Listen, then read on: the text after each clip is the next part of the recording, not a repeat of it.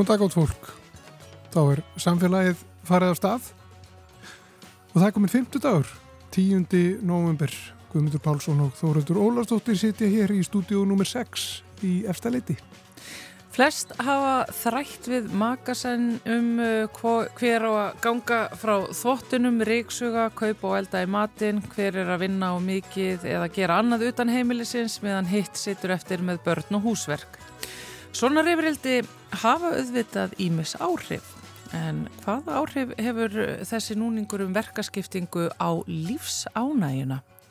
Tengsl heimlisverka og lífsánægju er einmitt viðfangsefni rannsóknar sem hagfræði doktorsnefnin Anna Guðrún Ragnarstóttir fer fyrir og við ætlum að heyra í henni hér á eftir.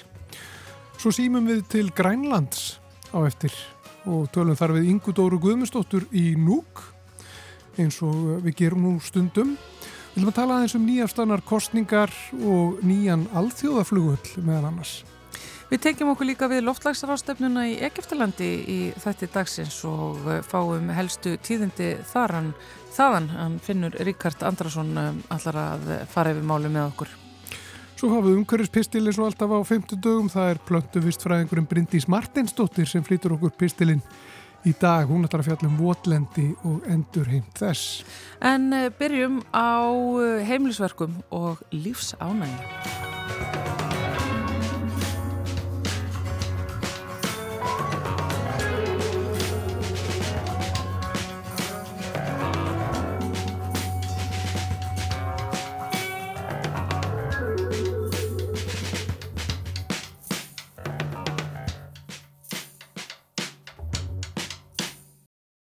Engar áhugaverð rannsókn og svo fyrsta sinna tegundar á Íslandi þar sem skoður eru tengsl, heimilisverka og lífsánæju stendur nú yfir. Og okkur í samfélaginu leikur eðlilega forvitn og að vita meira um þessi mál. Heimilisverkinu þetta er eitthvað sem allir kannast við eða ætta kannast við og hafa þá eflust ímsar skoðanir, upplöðanir og tilfinningar tengdum heimilisverkunum og einmitt hvernig tengjastu lífshamingunni. Þetta er eitthvað sem við verðum að vita meira um. Hún situr hjá mér Anna Guðrún Ragnarstóttir sem er doktorsnefn í Hagfræði og er einn þeirra sem að kemur á rannsókninni. Sælverstu Anna Guðrún? Sæl Þórildur. Hvers vegna að rannsaka tengsl lífshamingu og heimilsverka? Sko, í bara fylstur hinskilni þá hóst þetta nú allt með því að ég sendi er í doktorsnámi og ég þurfti að finna mér hvað ég ætla að skrifa um. Og ég held að þetta nú bara byrjaði álveru á því að ég var bara heima að rífast um maka minn um hver ætti að riksuga. Hver ætti að, að vasku upp og ha, þú riksugar aldrei. Og það, ég, það, ég held að allir kannist við þessar svona erjur sem eiga til að poppa upp á flestum heimilum. Einmitt. E, og ég bjóð þarna yfir gagnasetti frá Ástralíu með alveg ítarlegum upplýsingum um einstaklinga og fjölskyldur þeirra og ítarlegar upplýsingur um einstaklingin og maka hans. Þannig að í þessum gögnum voru upplýsingar um hversu miklum tíma fólk var að eigða í sagt, þessi heimilisverk, hversu miklum tíma það var eigða í vinnunni, hversu miklum tíma það var eigða í, í að sinna börnunum sínum og alls konar þannig. Og þar með hugsaði bara, vá, þú veist, notum þetta, þetta er ótrúlega áhugavert, þetta er líka mikið í umræðinu, það er alltaf breytast í dag. Ég meina það er ekkit langt síðan að bara fyrir hvað setna heimstyrjölda þá voru bara karlanir unnu og konundar voru bara heima, sinna, sinna börnunum og þrýfa og elda og stygt. Á Íslandi í dag er þetta náttúrulega bara allt annað, það er búið að vera alveg brjálegasta breytingar Já. og það má alveg velta fyrir sér hvaða áhrif það er að hafa á það sem við hagfræðingar viljum tala um sér lífsánægu. Sko hvað skilgreina hagfræðingar sem lífsánægu? Já, þetta er alltaf frá, frábær spurning. Hagfræðingar tala mikið um nýtjar eða notagildi og eru á ennsku utility og þetta er það sem er svona ímynda fyrirbæri í hagfræði heiminum þar sem við gerum ráð fyrir því að einstaklingar vilja hámarka þessa nýtjar yfir tíma. Það er markmið okkar allar, við viljum vera með mesta nýtjar. E, yfir í raunverulegan þá er þetta þýtt sem eins konar lífsánæð, þetta er svona næsti bæri við, það er svona proxy. Mm og það er mælt í spurningakonunum og það er einfallega spurt hversu ánæður ertu með lífið þitt á skalana frá 0 og upp í 10 og þú svarar bara ég er 8 eða ég er 10 eða ég er 0 eða þú veist eitthvað þannig og 0 þýðist þetta að þú ert fullkomlega óhamingjusamir eða óánæður með líf þitt og 10 er fullkomlega ánæður. Já. Þetta er vissulega gaggrínt og hérna, þessi mæli kvarði á lífsánægu og það eru ymsa rannsum sem segja að, að allar þessar mælingar sem hafa líka tilspurningar um, um hamingju. Það er að munur á, á lífs ánægir sem er satisfaction with life eða hamingju sem er bara happiness. Mm. að fólk svara þessu ólíkt þetta er ekki sami hluturinn og það er mismundi hvernig þetta tengist öðrum, öðrum þáttum í lífum okkar. Já. Og burt segið mitt frá þessum skilgreiningum og þá held ég að allir geti samt sem hefur sammælst um það að heimilisverkin, heimilisverkin hafa áhrif á það hvernig mann líður og, og hvernig maður upplifa sjálfum sig og umhverfið sitt og, og maka sinn og börnin sín og bara allt. Akkurat, nákvæmlega. Og það er mitt málið er að, að ég held við vitum öll að þetta hefur áhrif á okkur.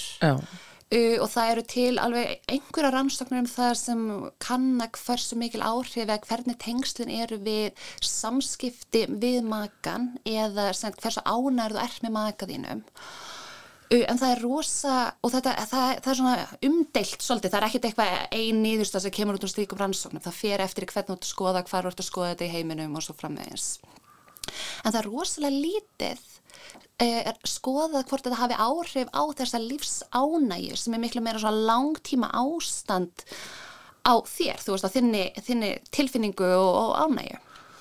Og hérna, og það þú veist, við vitum við verðum pyrruð, Já. en verður það meira en það það er svona það sem við erum að reyna kannski að skoða Sest aðeins sálina okkur Já, þetta bara, það er alveg djúft sokkið En hvernig ætlar að skoða þetta?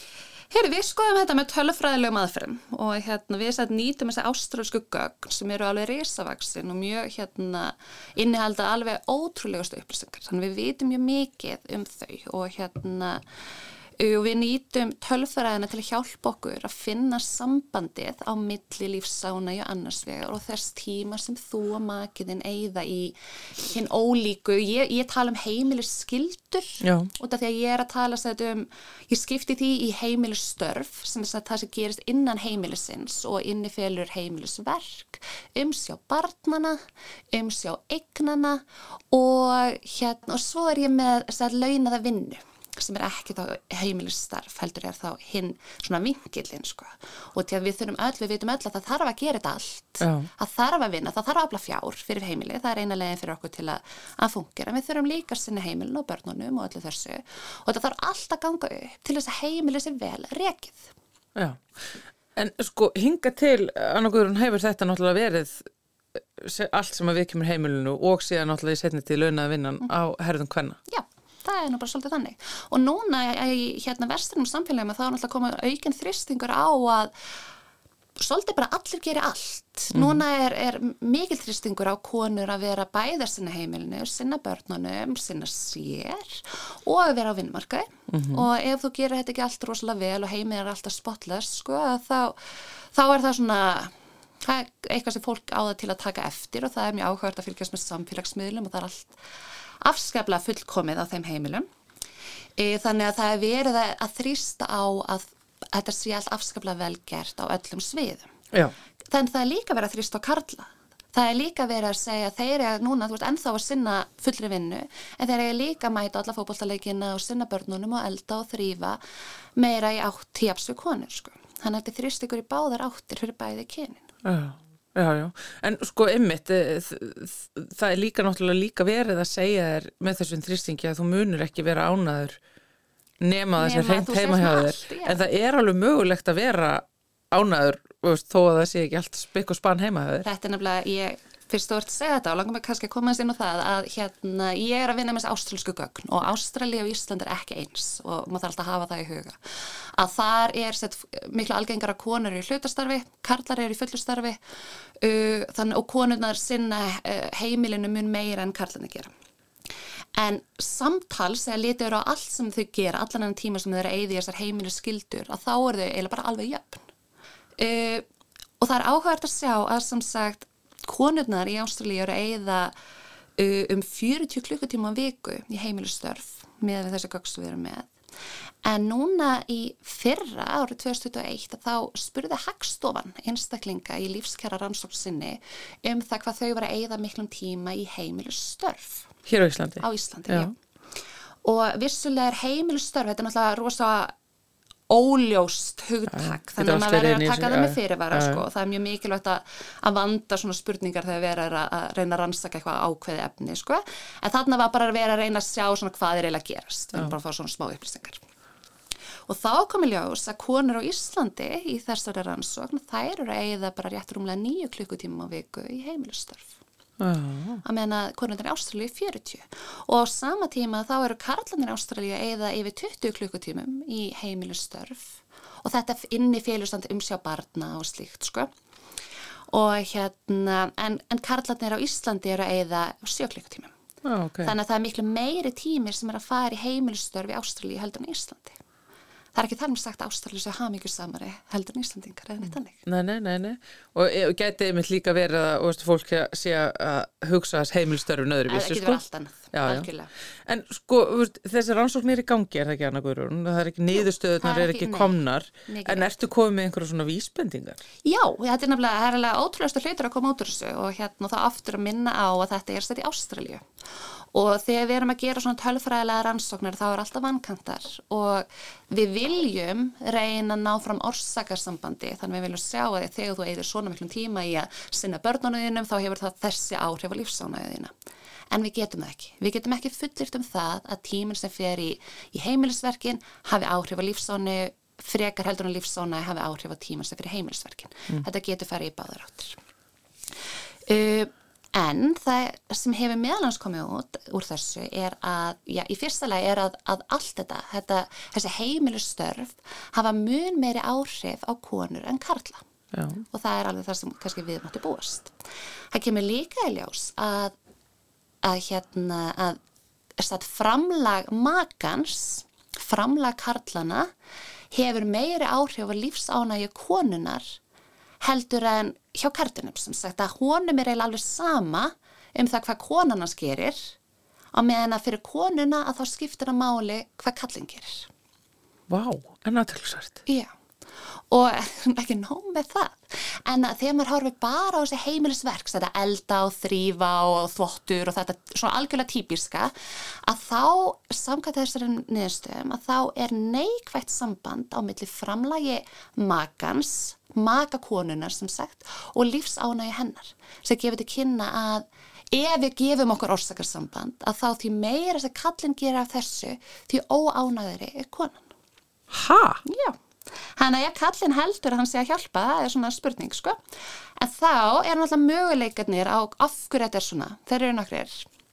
Og í fyrsta lagi getur þetta verið öfugt orsakarsamband. Skulum hafa það í huga, þess að þýðir að ef konan er ánæðari, að þá gerir karlinn minna. Þá finnur hún sig kannski bara orku meiri og hún bara er duglir á heimilinu, hann að karlinn þarf ekki að gera svo mikið eða eitthvað slíkt. Það geti verið. En það getur líka verið að í Ástralíu, eins og ég segja, þau eru svona ekki alveg komið jafn framalega í þessum jafnréttismálum af Íslandinga. Nei. Þannig að þetta er kannski bara svolítið svona að konan lítur á þetta sem sitt hlutverk. Já, hún er ekki að vinna inn- eins mikið á íslenska konu. Nei, alls ekki. Sko, hún er kannski að vinna 25 tíma á viku, 20-25 tíma á viku, menn íslenska konur eru að vinna í kringum hátt upp í 40, sko. Já.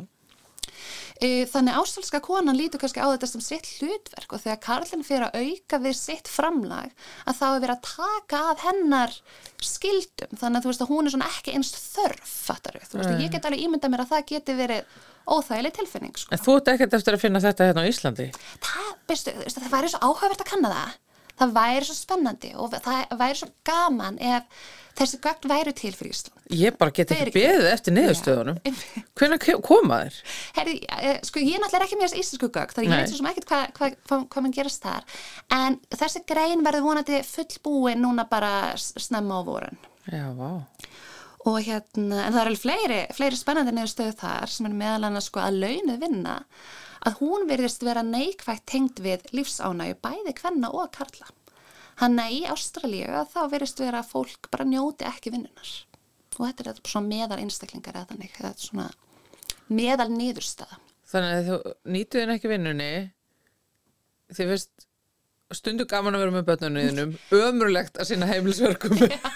þetta er ekkit sérstaklega ánægðið vei, Ha. fullurins árin maður. Já, þetta er ótrúlegt. Herðu, sko, þetta er náttúrulega algjörlega ma magnað og einmitt bara lungu mikilvægt. Akkur er ekki lungu búið að skoða þetta hérna á Íslandi? Við ef, höfum verið að gera alla þessar jafnbryttiskannanir og það er búið að koma og skoða þessa þriðju vakt en þetta bara sérstaklega. Já. En þetta er hérna bara það sem að geta að ríkistjórnin er að fara að rannsaka nákvæmlega þetta. Þetta er náttúrulega svo mikilvægt. Já, og það kom neina þegar, ég held að hefur bara ákveðið núna í ágústmánuði að ríkistjórnin og fórstættisráðinæti er þar í fórsprekki að þau er að fara að afla gagna. Þau eru í saman við hagstofuna Já. og ætla að fara að afla svona tíma gagna, svona örgulega mjög sambælið því sem ég hef verið að nota þarna frá Ástralíu og fá upplýsingar um hvað fólk er að eigða í þetta og ég hérna ætla að að þetta er, er að hefja umræður við fórstættisræðuneti til þess að ég geti beðið þau til dæmis um að afla líka sér upplýsingar um lífsánæju og, og annara þáttar sem væri verðt að kanna og fólk hefur áhuga á. En af því að það er rifrildið um uh, það hver á Ríks og heimahjáðir sem að ítir þér uh, hérna, Af staði í, í þetta allt saman að að skoða þessi gögg frá Ástralíu og skoða hvernig væri hægt að gera þetta hérna heima og, og, og svona sambarilegt. Um, hver er staðan á reysugun heimahjáður? Eru þið búin að ná lendingu? Það er ótrúlega, ég, ég held að það sé mjög jamt hvað við gerum á heimilinu Já. og það er bara skipsta og eftir svona hendursemi og, og bara allir sinna börnunum og allir elda matin og allir þrjavisti matin og allir sinna heimilinu Já. og bara mismunandi eftir hvernig hendar þínu lífi á þessari stundu. Já, ég myndi velta fyrir mig sko, ef það er búið að gera svona rannsókn og maður getur séð sé þetta svart og hvítu að hvort maður getur farið með það heim til sín og bara svona einhvern veginn svona Sýndur og bara, heyrðu, segðu hér. Já, en þú veist, hvort þetta gæti raunverulega svona rannsókn hjálpað fólki að ná kannski lendingu með þetta endalösa deilumál. Hver á að Já. gera hvað og hvenar? Sko ég get nú viðkjönd það að hérna, meðal annars kemur út úr svona rannsókn að það sem kallast outdoor tasks eða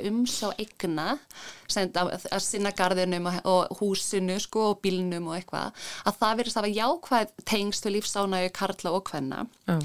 og hérna maðurinn minn er mjög handlægin og hérna og, og, og sinnir öllu svona á okkar heimili og hann vil meina sko að þetta sé kannski myndi ekki endilega flokka svona rosalega jákvætt hér í Íslandi þannig að þá kemur, kemur raun bara gaggríðin á rannsóknina sko.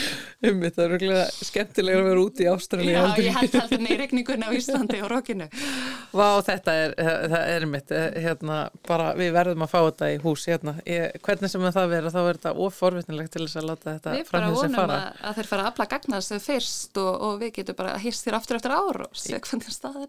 að hlakka mikið til þess að fara yfir uh, þær niðurstöður. En þessar vísbendingar sem að koma þarna frá Ástralíu og, og það hvernig þetta er að, að lenda hér heima er, uh, já þetta er bara frábær fórréttur við býðum spennt eftir meiru. Anna Guðrún Ragnarsdóttir, doktorsnemi Hagfræði, takk kærlega fyrir kominu hingað í samfélagið, bara þanga til næst. Takk herlega fyrir mig og takk fyrir að bjóða mér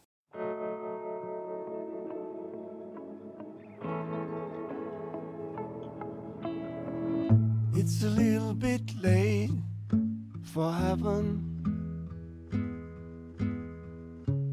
But I don't deserve no hell. I got no answer, no conclusion. There is no one who can tell. All I ever did to others. It doesn't matter anymore. Whatever happens, no one bothers. Now it's just an empty shore. But I'm free. I'm free at last forever. Yes, I'm free. Free more than ever. Free.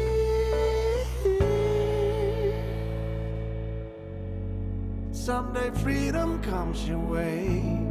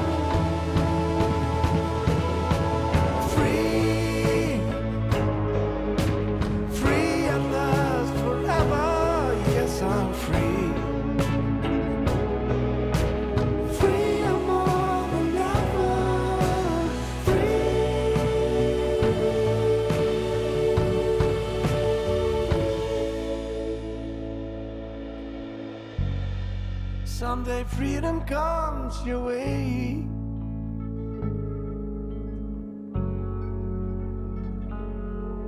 One day.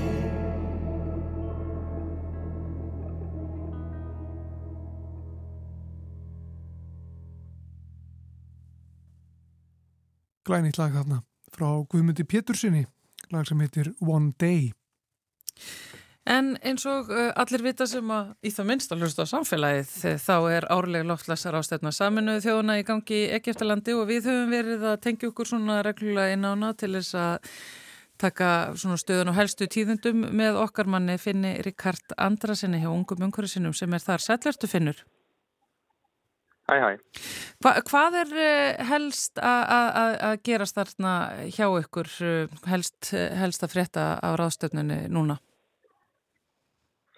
Sko, nú erum við ennþá í, í fyrri vikur afturlunar, þannig að samninguverðarnar eru, eru ennþá á, fullu flugi, uh, í fullum gangi og, ímis tíðindi sem að ímislegt sem við gerst á undarförnum dögum. Mm. Uh, það sem er kannski helst að frétta er að, að, að það er komið inn aukið fjármagni í, í þann lið sem að fer undir heitinu töp og tjón sem áfyrst við þær aflengar losasbreytingar sem, að, sem er ekki mögulegt að aðlast uh, og ég fór yfir þetta fyrir nokkuð dögum. Uh, þetta aukarlega fjármagn hefur komið bara sem uh, bein, bein fjárframlög frá uh, landum eins og Danmörku Já, og Skotlandi og Nýjasjálandi. Þannig að þetta eru, eru jákvæð tíðindi fyrir þennan málflokk allavega en, en svo er þetta óvíst hvort að svona formleg formlega verktangur að þjóður til þess að veita enn frekar fjármagni í þennan málflokk verið settur á vækirnar og, og fólk til að kannski að sé frekar ólíklegt að svo verði allavega á þessari rastöfnum því miður og, og umræður um líka stjórn muni falla áfram allavega næsta ári. Byrju, um, en, Svo líka, já. En okkur, okkur er talið að það- þetta sé ekki að ganga, að það gangi ekki fleiri eh, lönd inn í þetta að þessu sinni? sko að þegar það kemur að þessu þá það bara frekar tæknilegt aðrið en en það er í grunninn það að það eru til nú þegar uh, margir sjóðir sem að að hægt að sækja fjármagn í hvað var þar uh, losverkefni bara þetta kemur að, að hérna, uh, mótaðsækjum og aðlugun og svo þarf að bæta þessum þriðja flokki við þessum töfum og tjónum og það að koma álækjum nýjum sjóði telja sem hann þurfa að hérna, gera mjög uh, skýrt og vel og að mikið flýta þessum aðgjörum um of í rauninni að kannski ekki nægur tími núna á kopp uh, 27 til þess að klára að setja þennan sjóðu þannig að það er svona, það, er líkur helsti ágræningur Já, um þetta skil. Og hvað fleira er að frétta?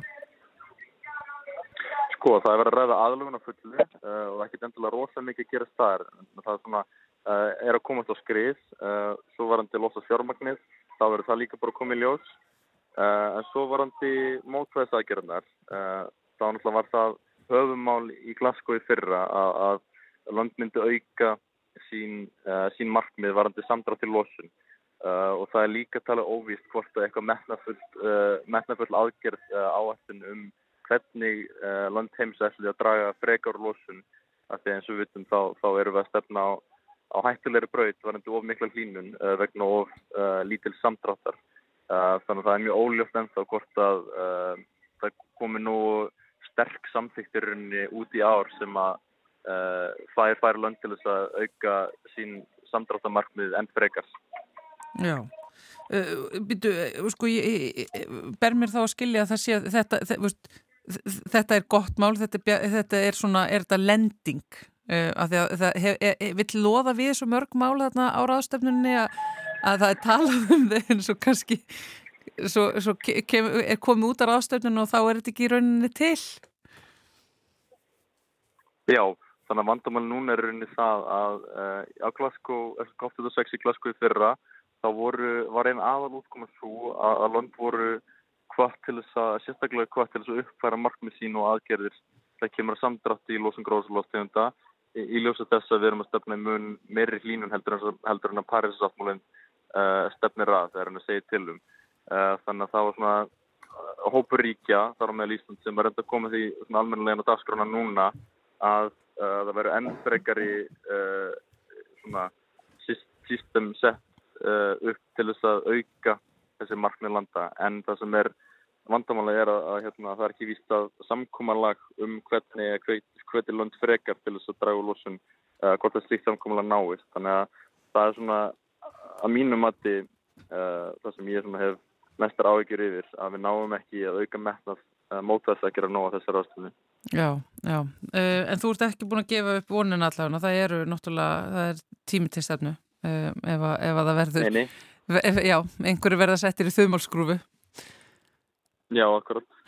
Við sjáum hvað setur uh, þú verður þarna áfram og við fáum að tengja okkur inn á þetta að reyna að fylgjast með þeim mikilvægu málu sem að fara þarna fram. Það er uh, mikilvægt fyrir okkur og heiminn allan að hlusta. Finnur Ríkard Andrason, uh, takk kella fyrir spjallið og bestu kveður til Ekjústalands. Takk fyrir. Háður fólk eins og ég og fleiri Þér finnst þú líkastur bættri flík og situr langeigur út á landi og langar suður í Reykjavík. Sjáðu fokkerinn fljúa yfir, frænka önundar kannskum ból. Þú bölvar dugleg í hljóð og heldur ekki orð Þú kaupir bíldudals grænar bönir blandar vodka og engi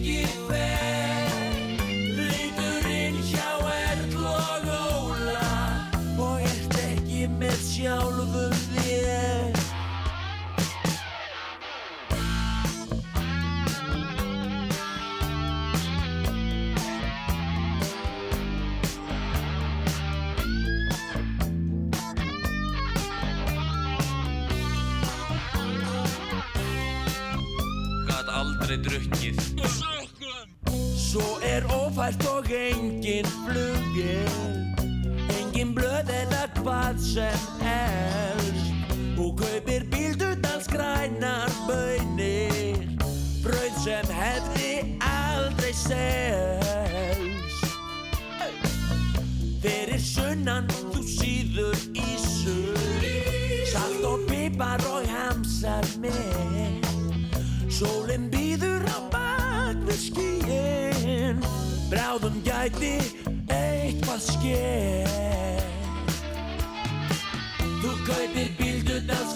grænar bönir Blandar vodka og engi fer. Lítur inn hjá Erl og Óla Og ert varla með sjálfri þér.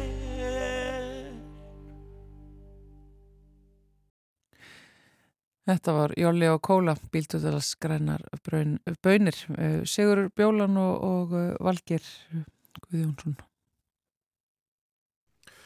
Og þá erum við komin í samband hér við Grænland. Þar er Inga Dóra Guðmustóttir sem að býr og starfar í Núk. Kontur sæl og blessið? Sæl og blessaður. Okkar langaði nú bara svona heyri þér eins og við, við heyrum nú stundum í þér þegar eitthvað er að frétta frá Grænlandi og það er alltaf eitthvað að frétta náttúrulega þaðan og núna kannski er það aðalega pólitíkin sem að nýlega hefur verið svona frétta efni Akkurat, það var eins og kannski flestir vita, þá voru kostningar í þjóðþingi í Danmarku, í Folketinga, uh, á þrjöðu fyrir töpu viku síðan, þar að segja, fyrsta nógumber. Og Grænland á tvö sæti á þingi þar og hér var búin að vera um, barátta í, kostningabarátta í mánuð og það var mjög spennandi, spennandi kostningar bæði í Danmarku og hérna á Grænlandi. Og ég get sagt að það voru þessi tveir sem voru þegar búin, búin að sitja síðan tæp fjögur ár er Agimatilda Haudam sem kemur frá flokknum Síumot sem er svona e, jafnaflokkur og svo e, IA, Aja Kemnitz sem er í, í vinstri e, flokk sem heitir Inuit Atakatsíkít og þær tvær voru kostnar aftur inn á þing þar.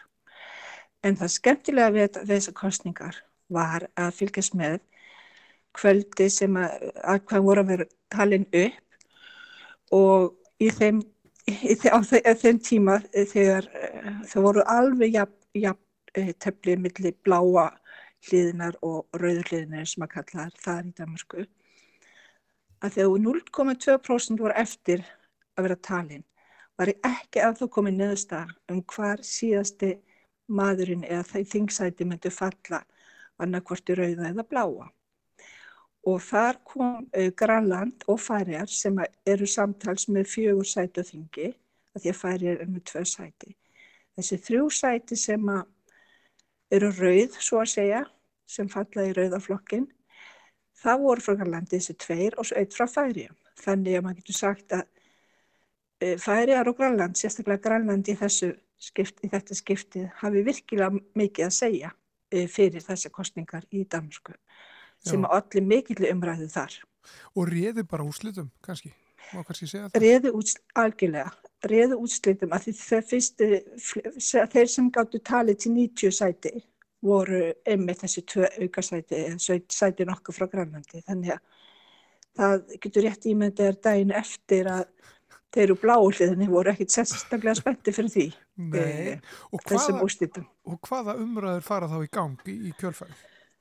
Um, umræðin sem fór í gang var mjög áhugaverð að því að þeir sem að voru mest fúlnir yfir þessu höfðu reyndar haft sömu upplifin í 2016 þar sem að þetta kom þeim til góðs. Og þeir voru svolítið fúl, fúlir yfir þessu, þessari niðurstöðu og það er náttúrulega ekki hægt að breyta þessum uh, grundvallarlegu lögum Danmörkur, grunnlóun sem við fylgjum hérna á Grænlandi líka. Þannig að öll sæti, getur maður sagt, eru jöfn. En það voru svolítið svona leiðilega, leiðilega hljóð frá, frá sumum pólitíkusum í Danmörku að, að þetta hefði ekki átt að geta haft sér stað en, en þetta var svona í 2016 sem gerða verkum að þeir unnu kostningarnar. Þannig að maður getur svo sem sagt að þetta hefur áhrif. Já. Og, og skapast miklar umræður líka á Grænlandi þegar úrslitin eru svona? Þetta er náttúrulega eh, niðurstað fyrir Grænland sem er mjög, mjög góð af því í samninga við, viðrænum sem eru byrjar um leið, bara byrjar bara um leið, um, þar var Mette Fredriksson sem fekk alveg stórkostlega kostningu persónlega og jafnarflokkurinn gekk fram, jafnarmannaflokkurinn gekk fram.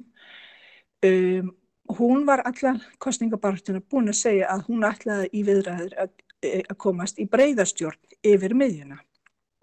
Þannig að hún er núna í þessum samninga viðræðum um, með flokkunum öllum í danska þinginu sem að svo mun kannski leða til þess að þetta er breið eh, ríkistjórn yfir miðjuna eða hvort þetta enda með þetta verður bara rauð eh, ríkistjórn þar að segja frá frá jafnamannaflokkun og, og til vinstri.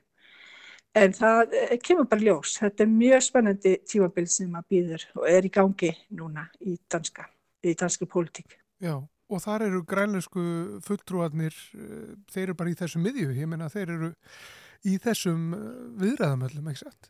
Jú, þær, þær eru, þær eru með þessum viðræðum og auðvitað flokkarnir bakvið sem eru með nokkra kröfur um, um breytingar og nú kemur bara, má bara býða að koma ljós hvort að þessi nýja ríkistjórn munu, munu taka þær tilugur til sín.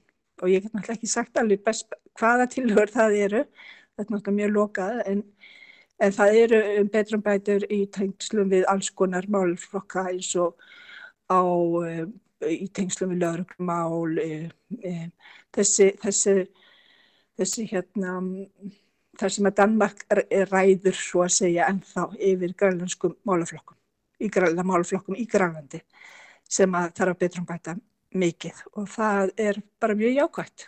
Já, og er einhvern veginn reyfingin alltaf í átt að meira sjálfstæði? Er það einhvern veginn alltaf, að, það er alltaf tekið eitt lítið skref í viðbútt eða, og mjög stór skref kannski en það, það er reyfingin, er í þá átt, er það ekki? Já, sjálfstæðinsbaráttan í Grænlandi er mjög sterk, hún er ennþá mjög sterk og, og mun vera það Uh, þannig að það, þetta er bara næstu skref í þeirri baróttu að koma, koma þessu málaflokki um, um að betra um bæta uh, alla þessa málaflokka en líka stöða okkar í tengslu við ytterrikis og varnamál. Mm -hmm. Og þar höfum við mjög stert kort núna, spil, spilakort núna til að geta lagt á borðið að það er þessi, svona, maður segir svona nothing about us without us og það vita náttúrulega allir sem er fylgjast með ytterrikis og, og varnamálum eh, í, í Evrópu eða í, já, í, á norðustóðum að Grænland hefur mjög mikilt vægi í þeirri, í þeirri stöð. Þannig að auðvitað verður það landlega staðan okkar sem gerða verkum að Danmark er svo stór sem hefur svona stórt hlutverk á alþjóða politík líka. Já, og hefur haft lengi náttúrulega. Mhm, mm meitt. Ef við, ef við gefum aðeins politíkina núna og, mm -hmm. og mhm. færum okkur aðeins í önnur mál það, það, um, það er verið að reysa er það ekki nýjan alþjóðaflugvöld uh, í núk eða hvað? Jú, það er verið að reysa flugvöld í núk og í Lulisat og Gabotto sem er uh, mjög stórt uh, þegar það er lókið því að þá er alþjóðaflugvöldin er okkar gammal hlusvag sem er gammal herrflugvöldur sem í gamla dag gett siðri strömmfyrður og Narsasvak. Þetta eru þeir tveir flugvellir sem er alþjóðflugvellir sem er notað til að koma til og frá Grænlandi. Þannig að þessir tveir eða þrýr flugvellir sem er núna er í framkvæmdu, það gerist það í síðustu viku, e, 3. nómber fyrir viku síðan, um, að fyrsti hluti nýja flugvellarins í núk var tekinni nótkunn. Og það e, markaði svona tímamót af því að gamle flugvellarinn uh, var lokaður og svo var það náttúrulega mjög spennandi og ég er svo rosalega lánsum að geta fengilega fekk möguleika að sitja í cockpit á, í fluginu og, og vera með þeim fyrstu sem að uh, laðu stað og lendum á Já. þessum nýja í þessum, í þessum tímamótum og það var bara mjög spes uh, upplifun, mjög spes. Já. Maður myndi ekki halda það að myndi fá gæsihúð en það gerðist. Mjög skrítið. Já, en þetta breytir tölur miklu, er það ekki? Jú, altså, flestir sem er að koma til á frágrænandi er að koma til núk.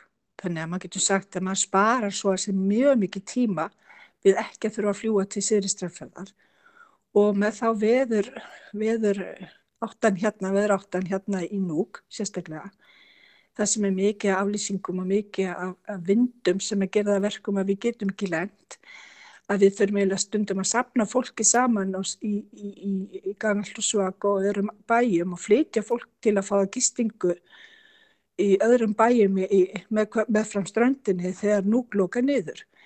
Þannig með, og sérstaklega núni í ár sem að veðri hefur bara verið alveg hræðilegt. Þá hefur þetta náttúrulega mikið að segja í tengslu við að að fólk þarf ekki að fara í loftin nema, þú veist, þá getur bara beðið í kaupmannahöfni eða beðið í núk og þurfu ekki að fara þess að millileið. En það hefur það líka verkum að þessi litlu flugu, þessi DAS 8-vílar sem við erum að fljúa með hérna innanlands, það er náttúrulega verið minna uh, að gera með þær flugvilar til að byrja með. En svo aftur á um móti þá er Grænland líka að verða svo mikil spennandi ferðamannastæðar Þannig að maður getur svo sem sagt að það er mjög mikið svona optimismi eh, eh, hérna núna í, í, í Grænlandi, varðandi alls konar ferðamanna ströma. Mhm. En svo aftur á móti erum við með svo mikil, um, vantar okkur svo mikið hótelkapasiti, það er hótelherbeggi. Þannig að maður getur sagt það sem náttúrulega gerir það að þegar ferðamenninni fara að koma, þá þurfa að hafa einhverja gistingu. Þannig að þetta er mjög spennandi tímabil og maður segir þessi flugvelli verður svona game changer í grænlenskum uh, flug, flugvallasögu eða flugsögu. Og svo getur svo bætti við að, að reyndar á morgun þá er þessi flugvel sem hefur verið að fljúa í Grænlands og Danmörkur uh, sem er Airbus-vél með pláss fyrir 285 farþega. Hún, uh, það verður 20 ára svo að segja ammali frá því að hún tók uh, við, uh, tók að fljúa á milli Grænlands og Danmörkur á morgun. Og svo næsta mánuð munum við taka móti alveg splunkunir Airbus A339 sem er með þeim bestu flugvili núna uh, svona, hvað segir maður, climate uh, Já, uh, climate flugvilum, já svona umhverfisvætni Eh, kannski. umhverfisvænir flugviljur, já, sem við tökum við núna í desember. Þannig að það eru nýjir tímar að blása yfir grænland, uh, grænlenski uh, flugsögu. Einmitt, ég heyri það. Mm, mm. Rétt að lokum, Inga Dóra Guðmundsdóttir eh, í Núk, eh, þú myndist á veðrið og ég Mhm. verið að spyrja þið bara hvernig er veðrið. Sko það er hæði við grænlandi núna, enda, bara þekkjum eh, það. endanlega, já, og það er, skal ég segja, frost í veðri og þegar það er svona stilla þá, þá er allt ok og þá getum við alveg flóið út um allt eh, hérna um landið. En eh, virkilega orðið kallt í lofti, þannig að veturinn er komin hann er komin já. Eitthvað snjór, og norðurljósin líka. en snjórin? Og snjórin, já, það hjálpaði mikið upp á, mjög reyndar seint, uh, seint að koma, en ég veit ekki kannski er það eitthvað í, í, í, í þessu svæði líka hjá, á Íslandi virkilega leðilega sömar, sömarviður. Við þekkjum það. Já, Við kannist kannski við það. Já, við vonum að veturum, veturum verið góður eh, hér Já, við vonum hjá, það líka. hjá okkur sem að búum að norðurslóðum. Í, já, Inga Dóra Guðmundsdóttir, gaman að heyri þér. Eh, Gaman be- Bestu kveði til Núk í Grænlandi. takk og gaman að heyri þið líka og ykkur. Það er gott.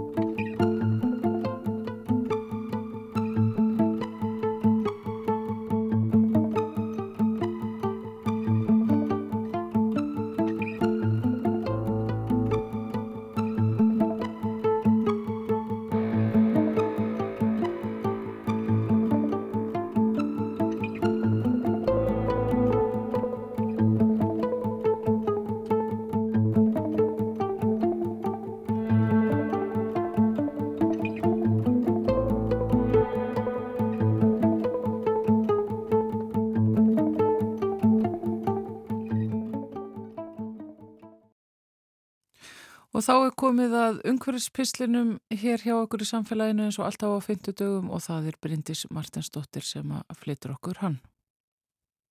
Votlendi, það er að segja votlendi við tveir hektarar starð á samt byrkiskóum, hefur notið sérstrakar vendar samkvæmt lögum um náttúruvend frá árunni 2013.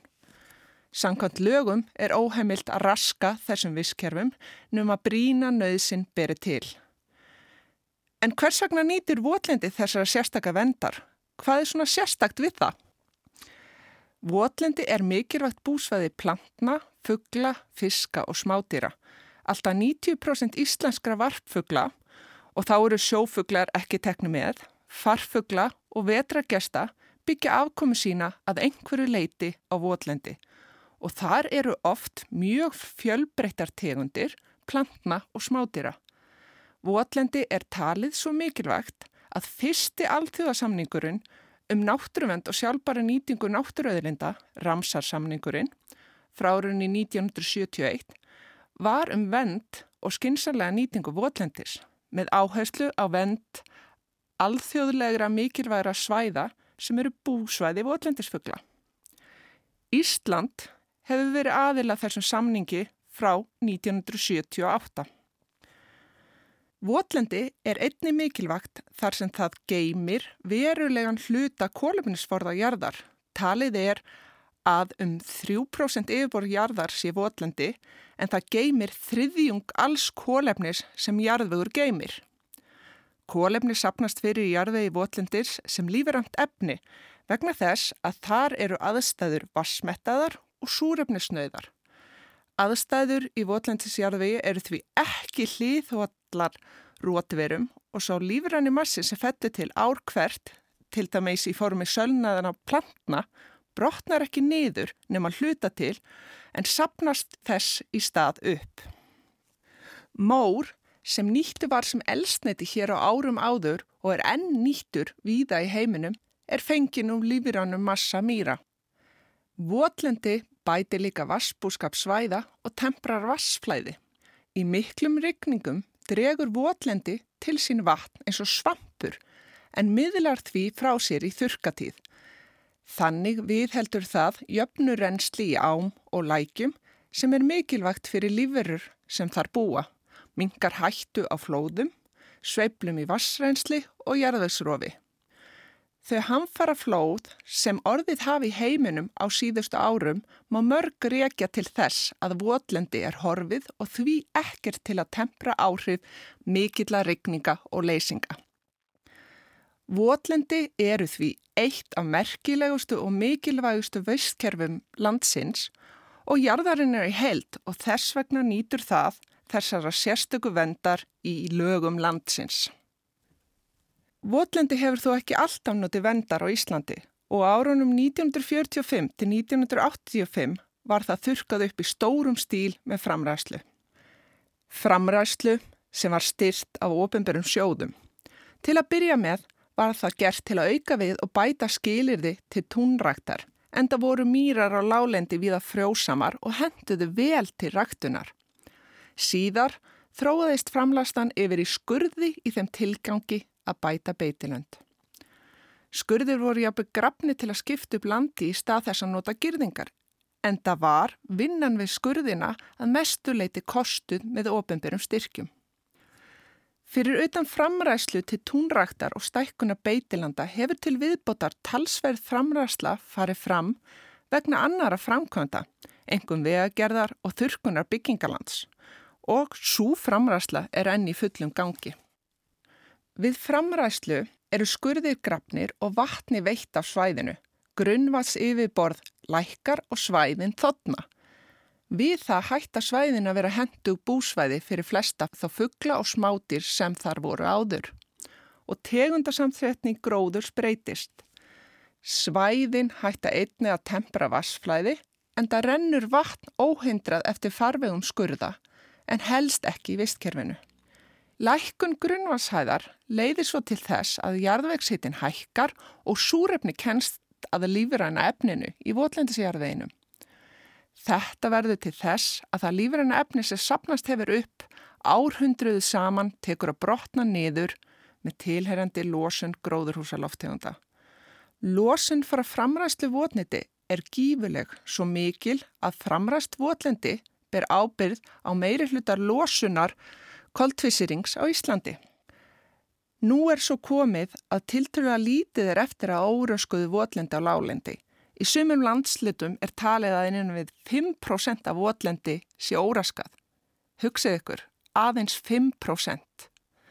Þessi sagand nignunar votlendis hér á landi er ekkert einstæmi. Svipaða sögu er að segja um allan heim. Í dag erum við þó aðeins að nýta brot af þessum framræstu svæðum að hluta til vegna breyttra búskaparháta og hluta til vegna þess að ofinberu styrkirnir gerðu það að verkum að meira var þurkað upp en þurfti. Enda framræslan atvinnuskapandi og í þá daga voru slæm áhrif framræslu á kólöfnisbúskap og lífurur ekki eins vel þekktar. Þetta var þjóð þrýfamál en í dag eigum við að vita betur. Það sorglega er þó að enn þann dag í dag eru við að eidilegja mikið af votlendi. Bæði, óröskuðu og röskuðu. Til dæmis vegna veglagningar, byggingaframkvönda og annara landnýtingar. Þetta gerist jafnvel þó að við vitum hversu mikilvægt votlendi er og það er síðu lög í gildi sem venda þau. Það er ekki farið eftir þeim lögum og viðilög við lögbroti hafa ekki verið neyn. Og í raun er þetta bara alveg galið. Til að reyna að fá tilbaka eitthvað þessum gæðir sem tapast hafa við röskun votlendis hefur verið farið í að endurhemta þau. En við endurheimt votlendis er vassi viðborð hækkað til dæmis með því að fylla upp í skurði eða stípla þá. Þá er settur tappi í útfræði vats með það að markmiða að grunnvashæð nái aftur sömu hæð og hún var fyrir framræðslu eða eins nála tví á hægtir.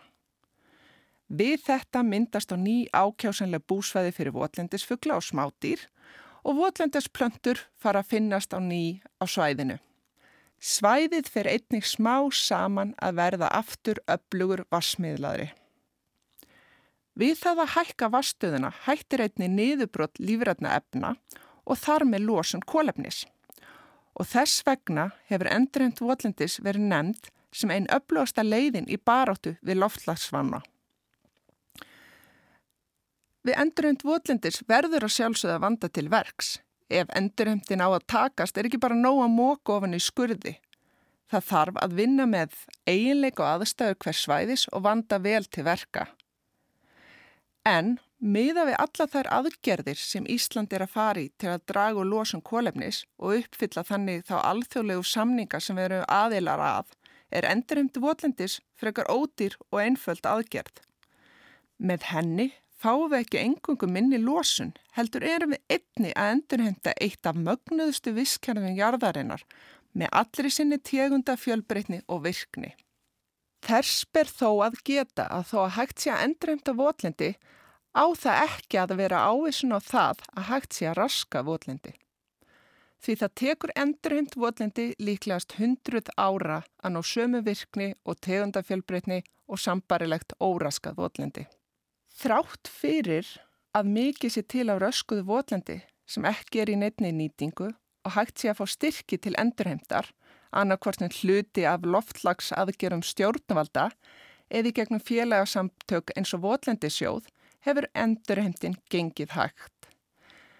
Nýja rannsóknir sína að það er tölver anstaða og tortegni meða landeiganda og almennings við endurheimt Votlendis sem gerir það verkum að það er erfitt að fá land til endurheimtar. Dæmi eru svo um að sveitafjölug oft þau sömu og horfa fram hjá því þegar verið er að raska votlendi gera þeim landeigundum sem þó vilja fara í endurheimt erfitt fyrir. Þessa trægðu máða einhverju leiti reykja til miskilnings og misvísandi upplýsinga um ágiti þess að endurheimta votlendi, sérstaklega þegar kemur að því að draga úr losun gróðurhúsaloftegunda. Þó að skurðir sé oft grónir eða framræsla gömul þýðir það ekki að losun frá svæðinu sé hægt. Koldioksið losnar ekki frá skurðunum heldur frá öllum loftaða jarðvegsmassanum á svæðinu og losunin heldur áfram svo lengi sem að grunnvaðsæðin er lág og lífrand efni er til staðar í jarðveginum. Áhrif framræslu á losun gróðurösa loftegunda í Votlendi hefur töluvert verið rannsakað á Íslandi og niðurstöðna sína að losunin er töluverð og það dregur úr henni við endurheimt. Síðan hafa fjöldin allur á rannsóknu farið fram erlendis sem stiðja það. Og alveg sama hversu mikið við höldum því fram að aðstæður á Íslandi séu sérstakar, gilda sömu náttúrulegum á hjarna og annar staðar. Þó við vitum ekki allt og þurfum meiri rannsóknir, þá vitum við nóg. Það er staðreind að endreind votlitis er einn besta aðgerð sem völ er á til að draga úr losun gróðurhúsaloftegunda og þó að endurheimtin hefði engin góð loftslags áhrif væri samt afarbringt að venda votlendi og endurheimta það vegna annara þáttar eins og lífræðilegar fjölbreytni og vassmiðlunar. Það er engin tilviljun að þjóðir heims leggja sífelt meiri áherslu á vendun og endurheimt votlendis. Vendun votlendis vegna mikilvægi þeirra hófst í raun löngu áður en heiminum gerði sér grein fyrir mikilvægi þeirra í baráttunni við loftlagsvána. Hættum því að stinga hausnum í sandin og bleitum upp í mýrunum. Sæði Bryndis Martinsdóttir eh, frábæra loka orð hjá henni í umhverfispislunum sem að jú verða líka loka orðin eh, hér í þætti dagsins eh, samfélaginu með Þórildi Ólustóttur og Guðmundi Pólsinni. Mikið rétt. En uh, sjálfsögðu verðum við hér á okkar stað, okkar tíma á morgun. Þá eru komin förstu dagur. Já, mikil ósköp. Mikil ósköp. Sólinn skín núna í höfuborginni. Fögnum því að sjálfsögðu. Heyrust á morgun. Verðið sæl.